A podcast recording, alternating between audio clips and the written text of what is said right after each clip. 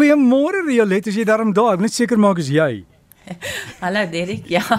Ek is hier so. Het jy ook benoud? Ja, nee nee, ek ook. Het julle nogal 'n lekker reën gehad? O ja, vreeslik. Dit daar's riviere in plaas van strate. Ja, ja, dis en is nogal gevaarlik, maar baie ja. van daai riviere spoel nou al die vuil water weg en ons het daarom ek hoop skoon water. En jy het gesê jy wil gesels oor 'n magneet wat plastiek uithaal. Hoe werk dit? Ja, dis 'n magnetiese poeier. Ehm um, so ek gaan 'n bietjie vertel omdat ek self navorsing doen oor besoedelstowwe in ons omgewing. Het ek 'n ingesteldheid om op te let na probleme in die omgewing eerder as om te werk aan oplossings. So het ek dan nou 'n paar saterdae van tevore oor die groot hoeveelhede mikroplastiek deeltjies wat blou walvisse sou insluk gepraat.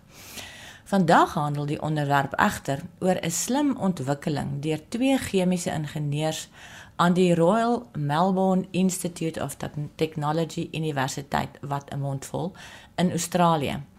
Kortliks opgesom, hulle het 'n magnetiese poeier ontwikkel wat die mikroplastiek uit water uit kan verwyder. Waterwerke kan meestal plastiekstukkies groter as 5 mm uit die water verwyder. Enige iets kleiner beland in drinkwater waar die mens dit inkry of word deur riviere na die oseane vervoer waar akwatiese organismes dit inkry. Mikroplastiekdeeltjies self kan nadelige verbindings vrystel as gevolg van die plastiekpolimeer waaruit dit bestaan.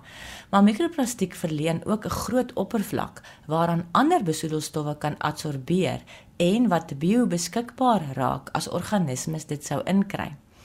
Mikroplastiek verleen ook 'n groot oppervlak waarop mikroorganismes soos bakterieë vaskleef om so biofilms in stand te hou. Ons moet dus probeer keer dat mikroplastiek in ons akwatiese omgewing voorkom. Die twee navorsers van Australië, Nikki Estiagi en Mohammed Harris en hulle medewerkers, se navorsing het op 23 November van hierdie jaar aanlyn verskyn in die wetenskapjoernaal Chemical Engineering Journal.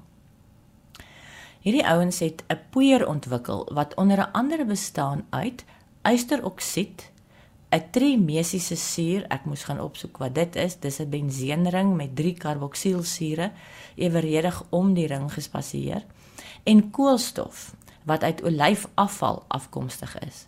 Die mengsel van hierdie komponente absorbeer en vang die mikroplastiekdeeltjies vas binne in sy struktuur en die yster in die ysteroksied maak die poeier magneties. Die navorsers het 1000 mg, dit wil sê 1 gram mikroplastiek by 'n liter water gevoeg. Die mikroplastiek was almal 1000ste van 'n millimeter in grootte. Hulle roer toe 3000 mg of 3 gram van hulle magnetiese poeier by die liter plastieksop en net binne 1 uur is 100% van die plastiekdeeltjies geabsorbeer. Die poeier waaraan die mikroplastiek geabsorbeer is, is weer uit die water gehaal, gehaal deur middel van magnete. En die poeier is met alkohol gewas om die mikroplastiek te verwyder, gedroog en was gereed om weer gebruik te word. Hulle kon dit vir nog 6 keer gebruik.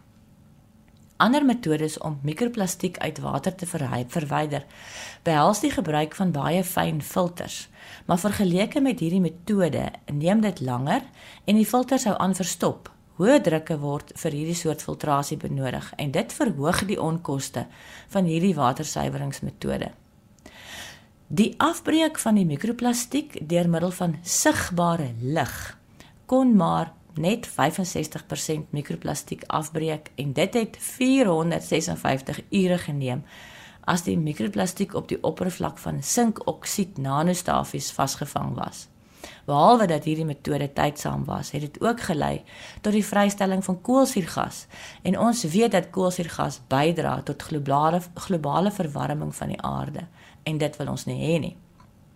Nou, wanneer mens tyd spandeer om iets tot stand te bring wat effektief is en een soort besoedeling verwyder, hoop jy dat dit ander soort besoedelstowwe ook kan verwyder.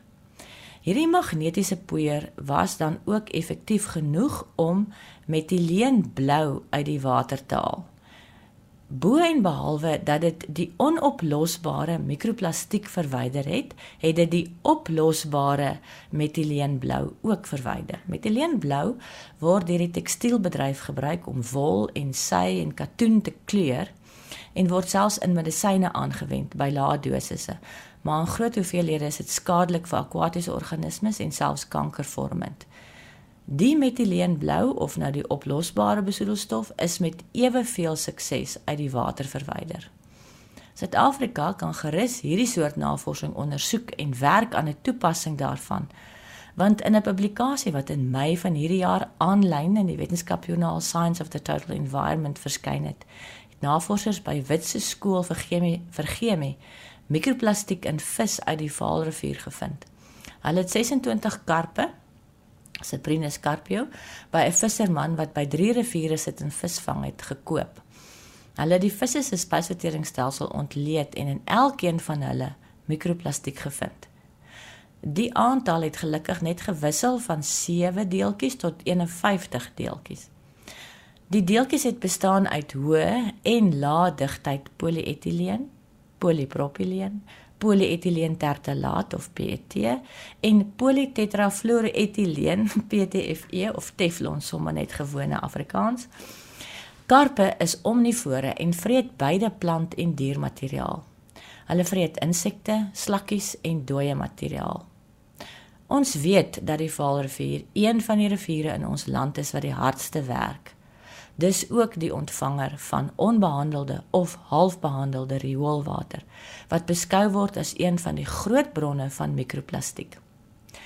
Mens sou kon redeneer dat dit logies is dat mikroplastiek in die vis se spysverteringsstelsel gevind sou word. Dit's tog te wagte.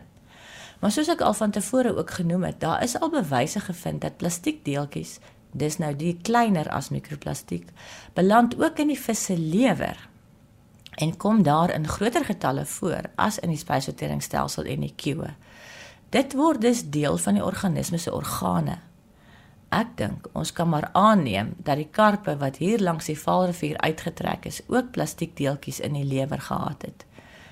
Ek weet dit baie van ons vis skoonmaak voordat ons dit gaar maak. Met ander woorde, haal die binnegoed uit wat die lewer en die spysverteringsstelsel insluit.